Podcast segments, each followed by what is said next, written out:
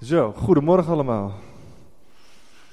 Mag ik even beginnen met wat uh, complimenten uit te delen? Is dat goed? Even een complimentenrondje.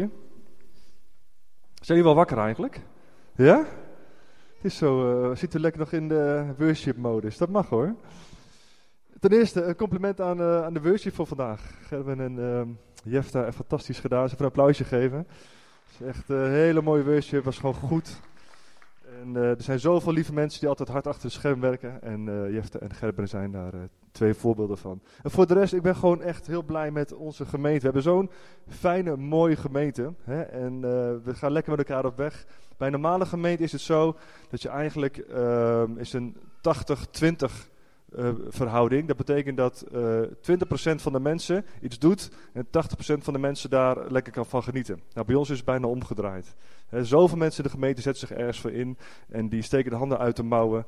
En uh, we zijn er voor elkaar, we zijn, we zijn ja, gericht op God en we zijn gericht op elkaar. En natuurlijk kunnen we nog groeien in dingen, maar het is gewoon fijn om een keer te horen van, van, van elkaar van hey, we zijn gewoon op de goede weg. We zijn als gemeente we zijn nog een fijne club mensen en um, het gaat goed. Het gaat goed met de gemeente en we zijn bovenal gericht op God. Amen? Dus af en toe goed om even een complimentje te krijgen, toch? Ja, het is zo stil. Jullie zijn zo stil vanochtend. Nou, ik, heb, uh, ik, heb, ik zal gelijk beginnen met een uh, disclaimer. Ik was afgelopen week uh, niet zo heel fit en ik heb uh, drie nachten slecht geslapen, dus ik ben een beetje warrig. Dus als het alle kanten opgaat, dan moet je maar eventjes zwaaien. Dan gaan we gewoon lekker verder met, met bidden voor elkaar. Dat is altijd goed. Maar ik heb wel heel veel goed, uh, goed voorbereid. Ik heb een hele preek op papier staan.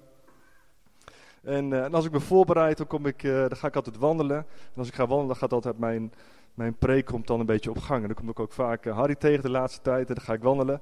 En Harry wandelt ook nou, bijna elke dag wel een kilometer of twintig of zo wel. Dertig soms wel. Ja. Dus dan uh, ben ik mijn preek aan het bedenken en dan ben ik helemaal in mezelf gekeerd. En in één keer zie ik daar iemand lopen hé, hey, dat is Harry. Dus was leuk. Maar uh, vanochtend vroeg heb ik ook uh, gewandeld. Om zeven uur was ik buiten in de regen. Ik dacht, ik moet toch eventjes even iets moois neerzetten. Daarna heb ik nog een koude douche genomen. Dus ik heb alles eraan gedaan dat ik er goed sta vandaag. Maar als we zwak zijn, dan is God sterk. Amen. Dus ook al voelen wij ons niet zo sterk, dat hoeft ook allemaal niet. Als God gaat spreken, dan, dan kan je bij wijze van spreken een week niet geslapen hebben, maakt niks uit. Dan komen de woorden van God. Nou, we gaan natuurlijk beginnen met uh, stil te staan bij de gebeurtenis van de afgelopen week in Israël.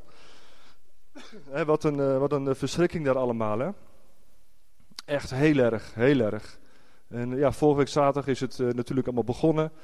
En ik heb het nieuws op de voet gevolgd. Ja, jullie weten ondertussen wel, ik hou wel heel erg van, van het nieuws volgen. En als dan zoiets in Israël gebeurt, dan, dan gaat bij mij alles gelijk aan echt een, uh, een drama wat, wat daar gebeurd is. Er zijn ongeveer zo'n 1200 uh, Israëliërs gedood op een eigen grondgebied door zo'n 2500 Hamas-strijders die Israël waren binnengekomen.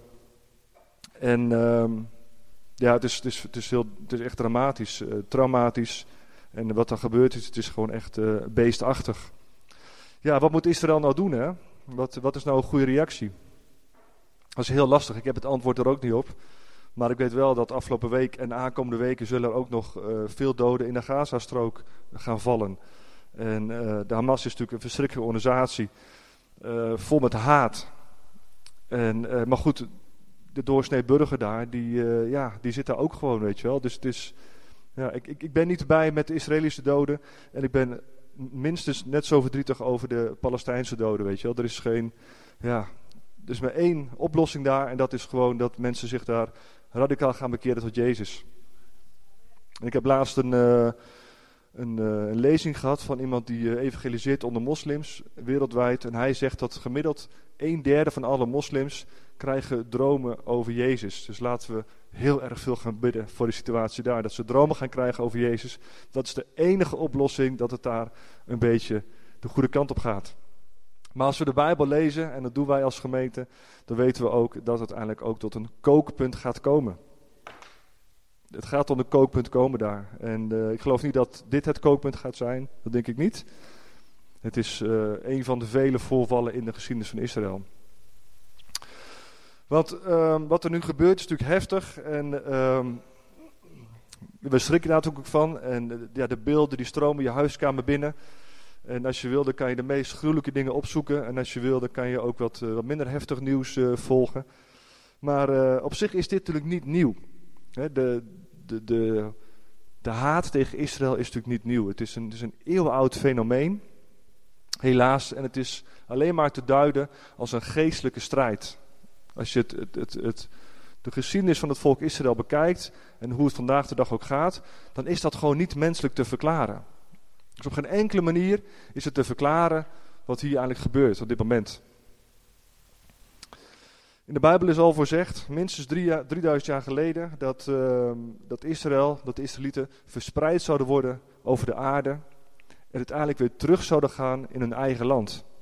Nou, er is geen enkel volk op aarde, geen één volk op aarde, die 2000 jaar lang verspreid is geweest over de hele wereld en vervolgens weer terugkomt in hun eigen land met dezelfde taal, met dezelfde gebruik. Dat, bestaat gewoon niet, zo'n situatie. En er is ook geen enkel land in, in de hele geschiedenis van de wereld die, eh, waarvan de bevolking zo specifiek door de loop der eeuwen opgejaagd is. Geen enkel land heeft dat, geen enkel volk heeft dat. Natuurlijk zijn er wel volken verdrukt hier en daar, weet je wel. En uh, er zijn genoeg onderdrukkingen en oorlogen geweest. Maar zo specifiek op één volk gericht, is in de loop der, nou, 2000 jaar, 20 eeuwen, afgelopen 20 eeuwen, is gewoon niet gebeurd. Het is al nooit gebeurd. Dus wat nu vandaag de dag gebeurt in Israël, wat we ook in de straten van Europa ook zien gebeuren, dat is gewoon eigenlijk pure haat. Het is gewoon haat. En je mag, natuurlijk mag je kritiek hebben op Israël. En je mag dingen zeggen als ze niet goed zijn. Er is niks mis mee. Je mag gewoon. Maar vaak, vaak wat erachter zit is gewoon pure haat tegen het Joodse volk. En dat mogen we ook gewoon benoemen. En het is verschrikkelijk. Maar het is niet nieuw. er zijn natuurlijk... Uh, de kruistochten van de christenen, die naar het beloofde land gingen om Israël vrij te maken, uh, die sloegen ook het Joodse volk niet over. Want, we hadden een goede reden om de Joden aan te vallen, want de Joden hadden namelijk Jezus vermoord. dat was een hele goede reden om de Joden aan te vallen. En zo zijn er nog veel meer goede redenen geweest. In de middeleeuwen waren de Joden natuurlijk schuldig aan de pest.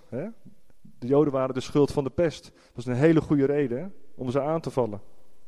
Sarcastisch hè, voor degene die het nog niet door had. En zo in de loop der eeuwen zijn er allemaal kwade complotten geweest over het Joodse volk. En altijd weer zijn ze op een of andere manier slachtoffer geworden van, van complotten, van, van, van, van boosheid, van, van wat dan ook. En dat houdt niet op totdat Jezus terugkomt. Dus wat we vandaag zien gebeuren is een schok, is verschrikkelijk. En uh, deze oorlog is nou, moet nog uit gaan breken. Maar wat we gaan zien is maar het begin. En het zal ook gaan uitlopen op nog een veel groter uh, uh, oorlog en situatie. Maar dat is nu nog niet aan de orde, denk ik.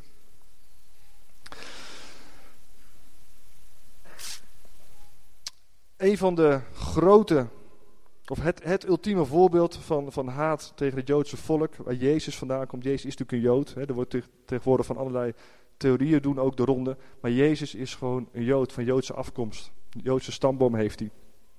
een van de ultieme gezichten van het kwaad tegenover de Joodse volk is natuurlijk de Tweede Wereldoorlog. Er zijn daar 50 miljoen mensen omgekomen.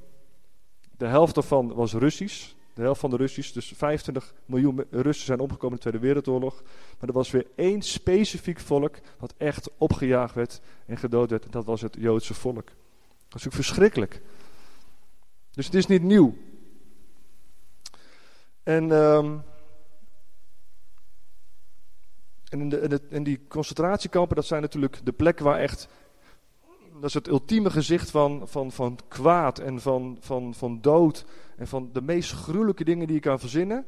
Die waren daar gewoon legitiem en legaal door de overheid ge, uh, geïnitieerd. En, um, en waar mensen zich beschikbaar stellen voor het kwaad.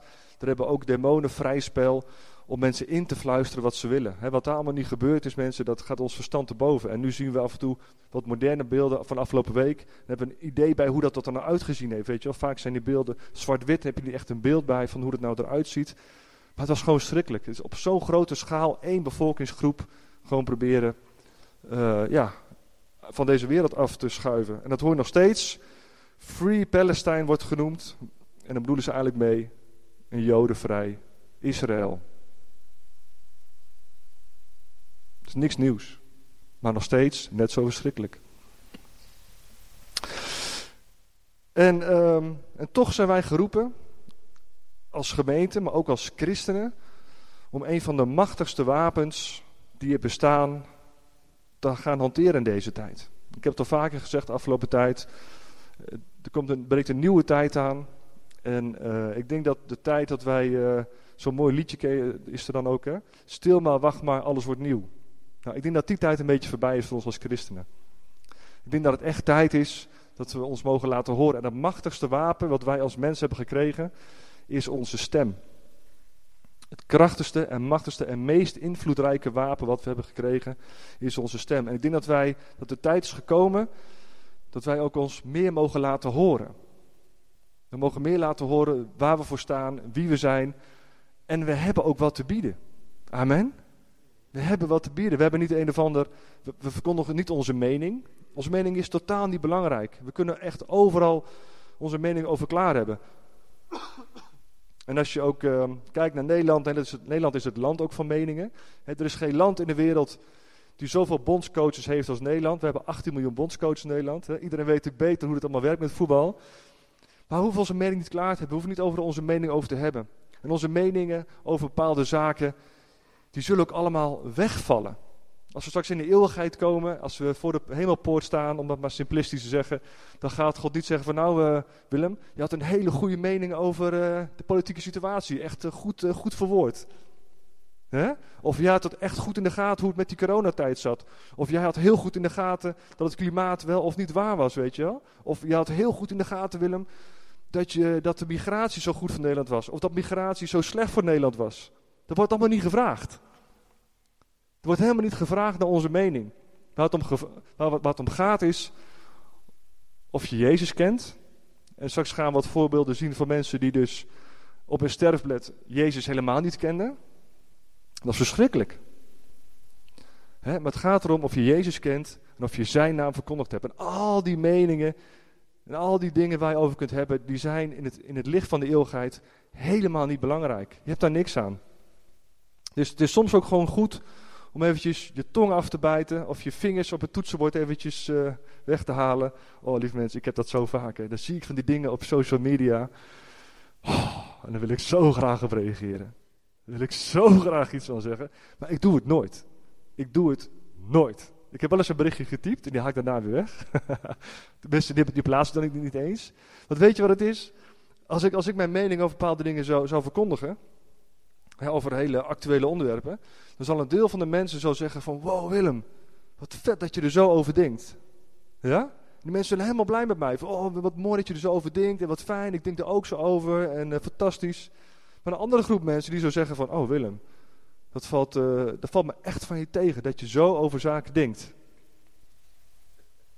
Ja? Mensen zullen heel teleurgesteld zijn als ik, als ik echt openheid geef op, op internet of social media, wat ik ergens van vind. Maar er zullen ook mensen zijn die heel erg blij zijn met wat ik ergens van vind. Maar dat is helemaal niet belangrijk. En daarom doe ik het ook niet. Want als ik namelijk iets post wat politiek of maatschappelijk gevoelig ligt, en dat deel van de mensen neemt aanstoot aan mij. En als ik een week daarna iets over Jezus post, dan komt dat niet meer binnen. Snap je? Dan ben ik een deel van mijn volgers, zoals het dan heet, hè, ben ik gewoon kwijt. Die zeggen van nou die Willem, die, eh, die heeft zulke rare meningen. Die, eh, die nemen niet meer serieus. En dan ben ik mijn ingang ben ik kwijt om het evangelie te verkondigen. En dat is, dat is het meest belangrijke. Dus ik zeg niet dat je dingen niet mag bespreken of dat je, weet je wel. Maar je moet het in het licht van de eeuwigheid zien. Heel veel dingen worden heel belangrijk gemaakt op dit moment. Maar in het licht van de eeuwigheid valt heel veel weg. Mee eens? Gelukkig maar. Gelukkig maar. Nou, wij mogen ons licht laten schijnen. We mogen een zout zijn. Matthäus 5, vers 16 zegt dat zo mooi. U bent als zout voor de wereld. Maar als het zout zijn kracht verliest, hoe moet je het dan smaak geven? Nou, wanneer ben je voor het laatst een uh, zout geweest voor de wereld? En dan heb ik het niet over je ongezouten mening geven, maar dat je zout bent voor de mensen om je heen, om het evangelie te laten horen.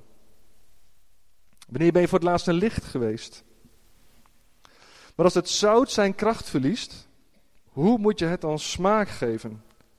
Waar is het dan nog goed voor? Behalve om weggegooid te worden en door de mensen vertrapt te worden. Wow. Jezus, die, uh, die geeft zijn mening wel. Hè? U bent het licht van de wereld. U, jij en ik zijn het licht van de wereld. Een stad op een berg kan iedereen zien.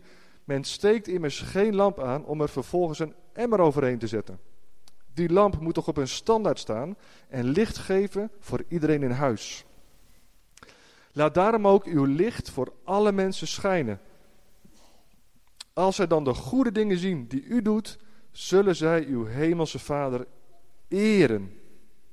Jezus roept ons hier op om echt een zout en een licht te zijn. En je mag jezelf best wel even afvragen van hoe zoutend en hoe lichtend ben ik eigenlijk geweest? Afgelopen week, afgelopen maand of jaar. En op welke manier heb jij je licht laten schijnen aan de mensen om je heen? En dat stel ik net zo goed aan mezelf voor die vraag. Want hierin wil ik ook zelf nog echt groeien. Ja, ik heb mensen tot de Heer gebracht en ik zal dadelijk ook wat succesverhalen vertellen. Maar ik zie ook in mijn eigen leven dat ik op dit vlak veel meer vrucht wil dragen. En dus ook als je boodschappen gaat doen, weet je wel, of als je ergens bent, ben je gericht op Gods geest, op die ene persoon, of op je buurvrouw, of op je buurman. Speak out. Laat je horen. Geef, wat het evangelie betreft, je ongezouten mening.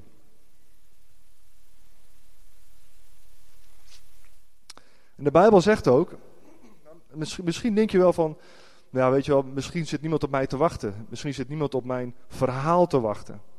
Nou, het woord van God zegt dat de hele schepping wacht op het openbaar worden van de zonen en dochters Gods.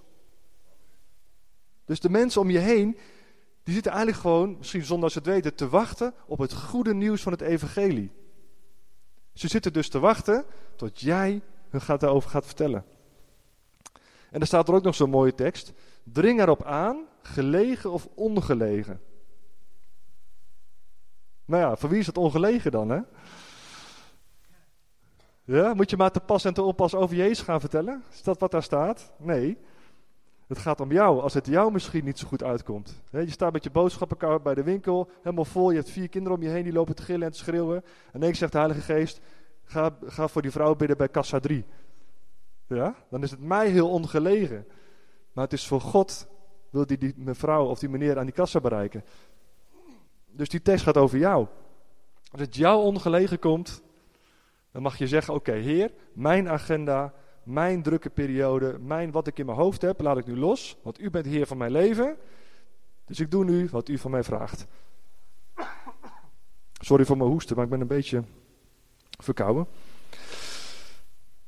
Wij zijn geroepen om aan mensen die in het duister leven over Jezus te vertellen. Op de meest duistere plekken iets van Jezus te laten zien. En die duistere plekken kunnen hele fysieke plekken zijn. Echt hele duistere plekken, zoals een concentratiekamp. Maar dat duistere plekken in iemands hart zijn, in iemands leven zijn. Dat kan een letterlijke duisternis zijn, dat iemand echt heel erg occult belast is, echt met uh, zich heeft ingelaten, om het simplistisch te zeggen, met, met glaasje draaien en vervolgens heeft geen last van geesten. Dus dan heeft hij geen echt duisternis in zijn leven. Maar het kunnen ook duistere plekken zijn, waar nog heel veel uh, pijn zit, waar heel veel verdriet zit, heel veel trauma zit. En wij zijn geroepen als christenen om Gods licht op die plekken te laten schijnen. Dan kunnen we bidden voor die mensen, dan gaan we de Heilige Geest vragen, Heilige Geest, wat heeft die persoon meegemaakt? En wat wilt u over die persoon zeggen? En hoe kunnen wij voor deze persoon bidden? En dan gaat Gods kracht in die duisternis zitten. En de duisternis zal nooit winnen van het licht. Want waar het licht komt, dan moet de duisternis wijken. Amen. Dat is een belofte van God. Dus één, de wereld zit op ons te wachten. Twee, je mag je licht laten schijnen. En drie, speak out. Niet bang zijn. We hebben niks te verliezen. Nou. We hebben niks te verliezen in dit leven. En als je, als je kijkt naar de verdrukte kerk in het Midden-Oosten of andere plekken, dan, dan zie je dat, dat christenen daar uh, echt in levensgevaar zijn, weet je wel. Maar toch gaan ze ervoor. Ze gaan voor Jezus, ze gaan voor, voor, die, voor, die, voor die ontmoeting met Jezus, gaan voor het evangeliseren. En ook in de Romeinse tijd had je al die stadions met die, met die vreselijke manieren om mensen, om christenen om te brengen. er waren leeuwengevechten, er werden mensen gekruisigd, mensen werden, nou, er zitten kinderen die, ik zal niet alles opnoemen. Maar weet je wat er gebeurde? De mensen soms gewoon over die muur in het stadion sprongen, omdat ze zo vol van Gods geest waren, dat ze gewoon zeiden, ik ben ook christen, weet je, ik hoor er ook bij. Zo vol van Gods geest waren die mensen gewoon, dat ze, hun eigen leven legt ze af. Bijzonder hè? En dat vuur, dat mag je bij jezelf gaan aanwakkeren. Om een licht te zijn voor de mensen om je heen. En um, wat ik al zei, we zijn echt geroepen om in de meest donkere plekken ons licht te laten schijnen. En um, ja, als je wel eens, uh, wie is wel eens in een concentratiekamp geweest? Een paar handen. Wie is wel eens op een, op een slagveld geweest, wat vroeger heel erg echt, gevochten is? Ja, een paar. Nou, ik ben, in, uh, ik ben op heel veel van dat soort plekken geweest. In uh, misschien ken je het wel, Yper. Dat is uh, uit de Eerste Wereldoorlog, is daar gigantisch hard gevochten. En, en, en het voelt daar net alsof de dag ervoor nog de laatste kogel is afgevuurd. Ken je dat? Het is gewoon helemaal stil daar. Een hele macabere sfeer hangt daar, weet je wel. Er hangt iets in de lucht. Nou, dat is letterlijk zo. En op concentratiekampen is dat ook zo. Hè? Er, is natuurlijk zoveel onmetelijk leed is daar geweest. En uh, het is dan gewoon stil. Er zijn nog geen vogeltjes die daar fluiten. Het is helemaal stil daar. En ik ben, uh, voor, voor Defensie ben ik heel vaak naar uh, Bergen-Belsen geweest. Bergen-Belsen is een concentratiekamp. Waar Anne Frank is, is omgekomen. En um, Bergen-Belsen is eigenlijk een gebied. Er zit een, nu zit daar een, een, schietbaan. En die schietbaan is 64 kilometer in omtrek. En dat is een, enorme schietbaan. En dan wordt geoefend met, met, met tanks, met artillerie. En Nederlandse eenheden die gaan daar zo'n drie, vier keer per jaar gaan staan naartoe om te oefenen. En, uh, maar vroeger, in de jaren 1938, 1939, toen heeft Hitler op die plek heeft hij zijn invasie in Polen heeft hij voorbereid. Dus de Blitzkrieg in Polen heeft hij voorbereid in Bergen-Belsen. Nou, en uh, later is dat natuurlijk een concentratiekamp geworden. En later is dat ook uh, Russische krijgsgevangenen hebben daar gezeten. En natuurlijk Anne Frank is daar geweest. Maar ik kwam daar drie of vier keer per jaar. En ik heb tien jaar bij Defensie gezeten, dus ik ben daar echt heel vaak geweest. En toen ik uh, net op bekering kwam, dat was in 2006. Uh, toen zat ik nog in het leger. En uh, ik verkondigde het evangelie aan iedereen, gelegen of ongelegen. maar een andere versie. Dus ik ging over iedereen vertellen over Jezus. Hè? En ik, ik, kon mijn mond gewoon niet houden. Ik zat zo vol met Jezus. En ik ging mijn collega's vertellen. Maar het voordeel daarvan is, als je je net breed uitgooit, heb je altijd een paar vissen. Hè? Dus als je tegen genoeg mensen gaat evangeliseren, dan zijn er altijd een paar mensen die zeggen van ja, ja eigenlijk, uh, eigenlijk wil ik die Jezus wel leren kennen. En zo was ik met een collega bezig, een soldaat, al een paar maanden. En uh, over mijn geloof verteld, over mijn reis met God verteld. En over wat ik allemaal meemaakte. Ik vond het heel interessant. En toen ben ik uh, naar Bergen-Belsen, was ik daar weer, voor de zoveelste keer. En um, ik, ik zat met hem over God te praten. En op een gegeven moment kwamen we op het punt, terwijl we in Bergen-Belsen liepen, dat hij zijn leven aan Jezus wilde geven. Dus mag die, uh, die foto mag wel even op, Ralf.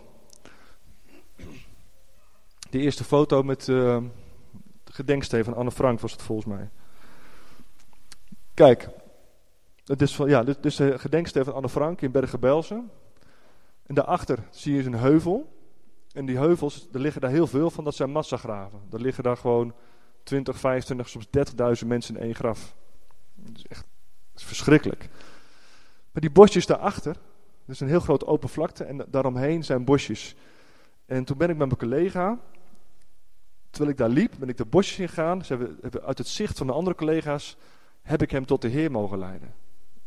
Dat is echt waanzinnig. Gewoon op een plek waar zoveel dood is, waar zoveel ellende is, de meest duistere plekken wat je kan verzinnen, heb ik gewoon een collega tot de Heer mogen leiden. Echt bijzonder hè?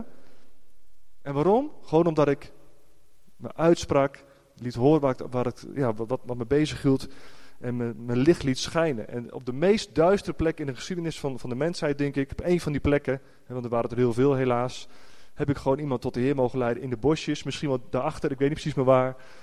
Ehm, ja, heb ik hem tot de Heer mogen leiden. Dat is echt super bijzonder.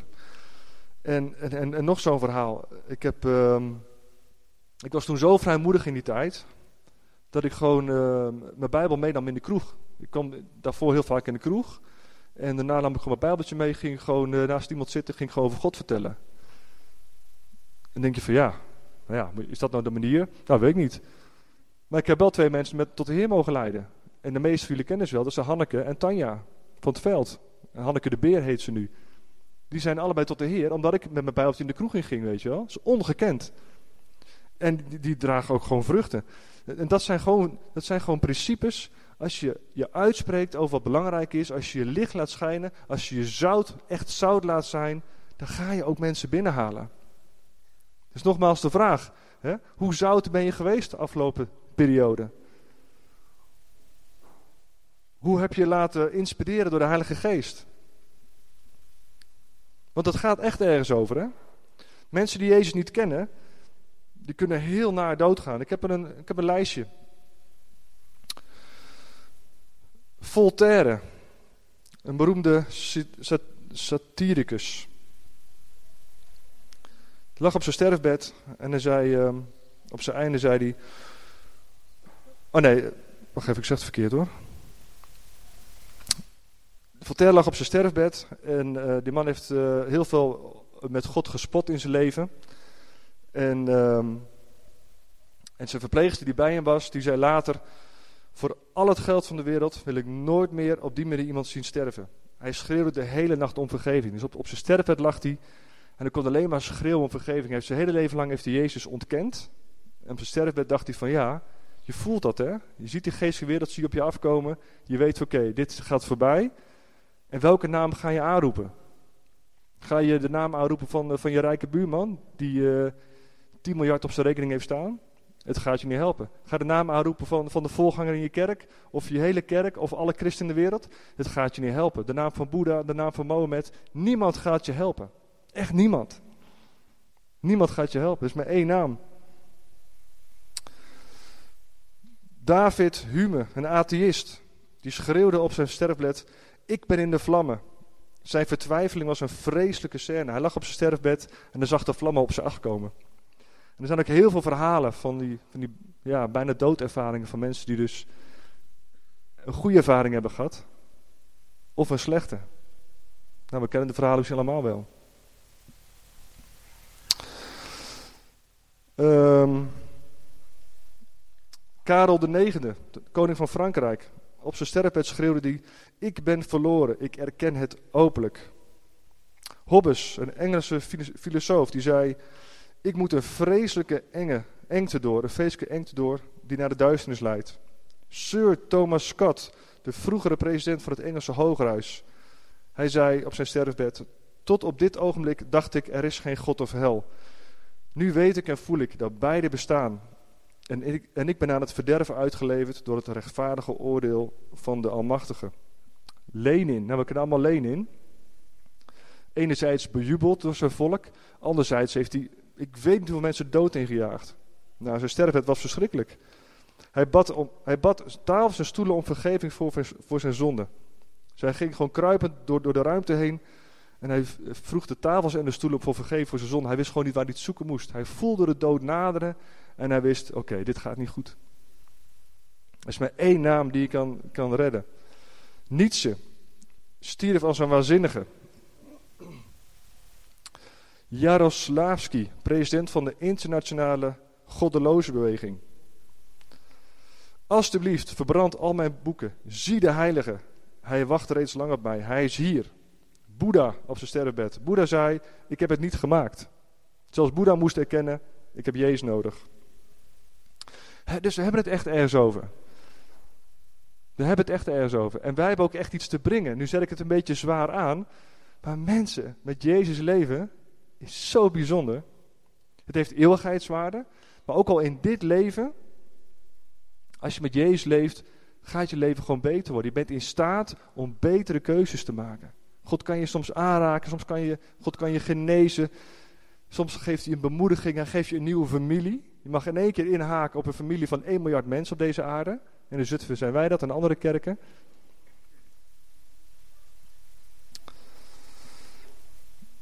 En wie is die Jezus dan? Hè?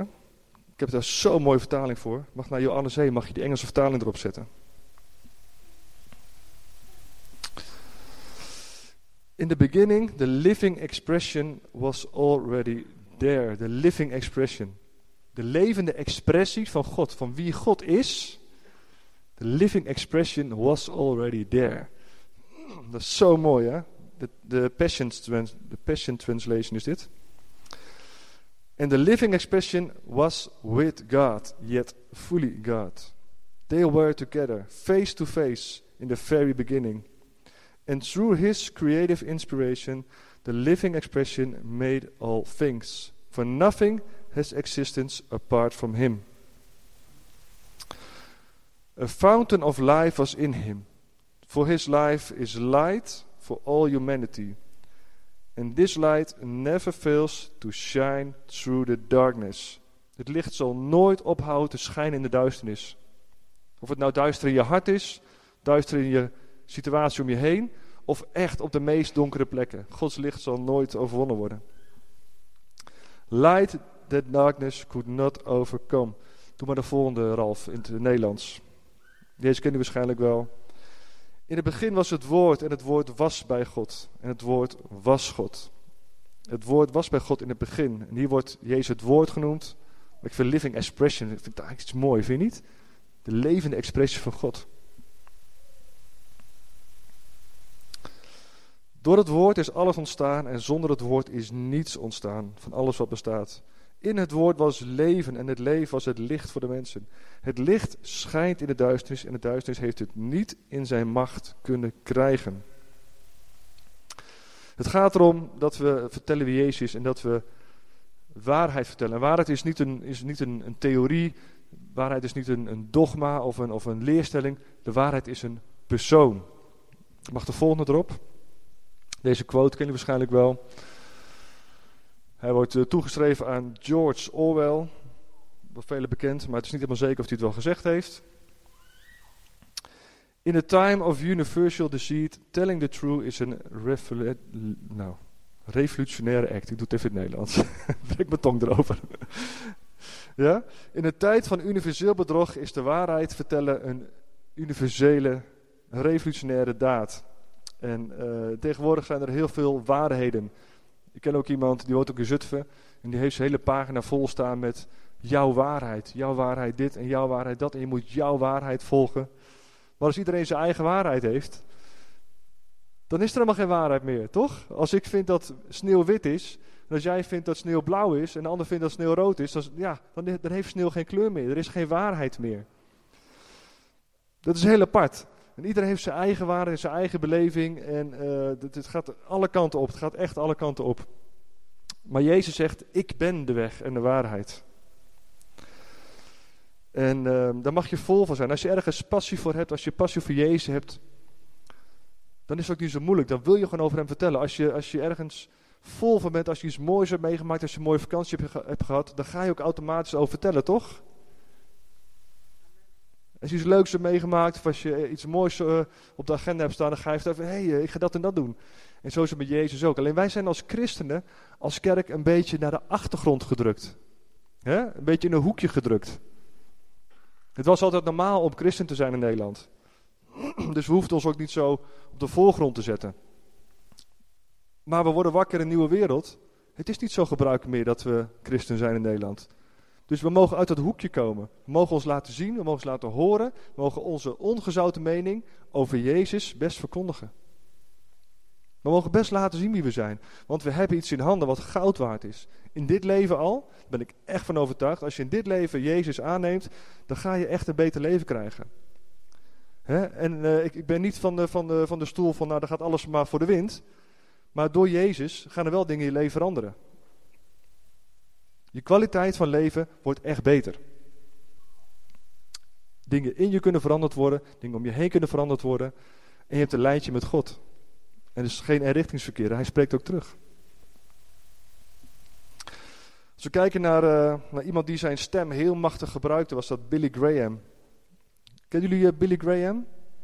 Een van de grootste evangelisten van de afgelopen, van de vorige eeuw eigenlijk. Hij is in 2018 overleden, nog maar net, vijf jaar geleden. Die man heeft miljoenen bereikt, echt miljoenen. Die hield, hield soms van die crusades, van die samenkomsten. Er kwamen miljoen mensen kwamen daar samen. En wat deed hij daar? Heel simpel het evangelie vertellen. Geen mega grote bands neerzetten, geen grote uh, indrukwekkende bekerings- of genezingsdingen, weet je wel. Het was gewoon heel eenvoudig. Hij had een microfoon, hij gebruikte zijn stem en hij bereikte miljoenen met te vertellen over Jezus. Meer deed hij niet. Heel simplistisch. Hij deed zijn mond open en gebruikte zijn stem. Nou, tot slot was een, uh, een Chinese communist. En die had uh, heel veel christenen voor executie uitgeleverd. Op een dag kwam hij bij een predikant, bij een dominee. En hij zei tegen die dominee: Ik heb vele van jullie zien sterven. Jullie als christenen sterven anders. Wat is jullie geheim? Ja? En ons geheim is dat we iets in ons hebben, dat is de Heilige Geest, wat zo kostbaar is dat je misschien wel je leven ervoor over hebt. In elk geval, heel veel mensen uit de geschiedenis hebben hun leven daarvoor over gehad. En we mogen best wel een beetje wat sterker zijn. Er gebeurt ons niks als we een keer over Jezus vertellen. Nou, misschien een keer uh, uitschelden, of misschien een keer wat, wat lelijke dingen in Nederland zitten we qua risicoanalyse nog heel erg veilig. Dus laten we onszelf aanmoedigen om, om ons voor te nemen van oké. Jezus is mijn Heer. Dus ik wil ook dat hij mijn Heer is. Als ik in mijn bed lig, als ik op straat loop, als ik in de supermarkt ben, waar ik ook ben, wil ik dat Jezus mijn Heer is. Dat ik altijd beschikbaar ben om te doen wat Hij van mij vraagt. Gelegen of ongelegen. En uh, ja, zo wil ik ook afsluiten. Ik denk dat het. Uh, straks gaan we natuurlijk voor je bidden. Ik denk dat de gebedsoproep ook met name is van. Als je meer vuur wil hebben, meer, meer, uh, meer power wil hebben om gewoon uit te stappen om te vertellen wie Jezus is, dan gaan we graag voor je bidden. Maar het is bid en werk. Dus we willen graag voor je bidden. Maar af en toe moet je zelf bezoek even een flinke schop onder je achterste geven. Oké, Heer, ik verklaar dat u Heer bent. Dus dan wil ik ook mij zo gedragen dat u altijd zeggenschap over me heeft. Dat is makkelijk als je hier lekker zit. Maar wat ik al zei, straks in de supermarkt staat. En de Heer zegt in één keer van, uh, bid voor die vrouw aan kassa 3. Dan wordt het toch wel even spannend, toch? Maar Hij is Heer. Hij is Heer. En wij staan op de tweede plek. Amen.